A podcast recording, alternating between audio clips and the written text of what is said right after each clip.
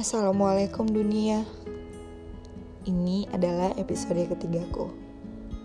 Terima kasih orang-orang yang jumlahnya tak cukup banyak, namun ikhlas mendengarkan. Oh iya, maafkan jika suara ini terkadang membuat kalian tak nyaman ya. Namun, inilah hadiah yang Allah karuniakan dari lahir. Dan aku akan belajar menghargai itu semua.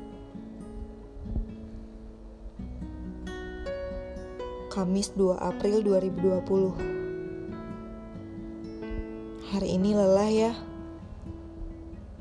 Bolak-balik nganterin sembako ke beberapa rumah yang membutuhkan Tidak lupa juga menyerahkan beberapa puluh alat pelindung diri untuk rumah sakit yang menjadi tumpuan para korban COVID-19. Senang rasanya terlibat kembali di kegiatan-kegiatan seperti ini. Terima kasih donatur. Hari ini lelah ya. Tapi ternyata tidak ada yang lebih lelah dari mereka-mereka yang menghitung hari menunggu pertolongan. Tidak ada yang lebih ringan dari sekedar memberi harap kembali. Dan tidak ada yang lebih indah selain menjadi jembatan yang hangat untuk kebaikan-kebaikan kecil di luar sana.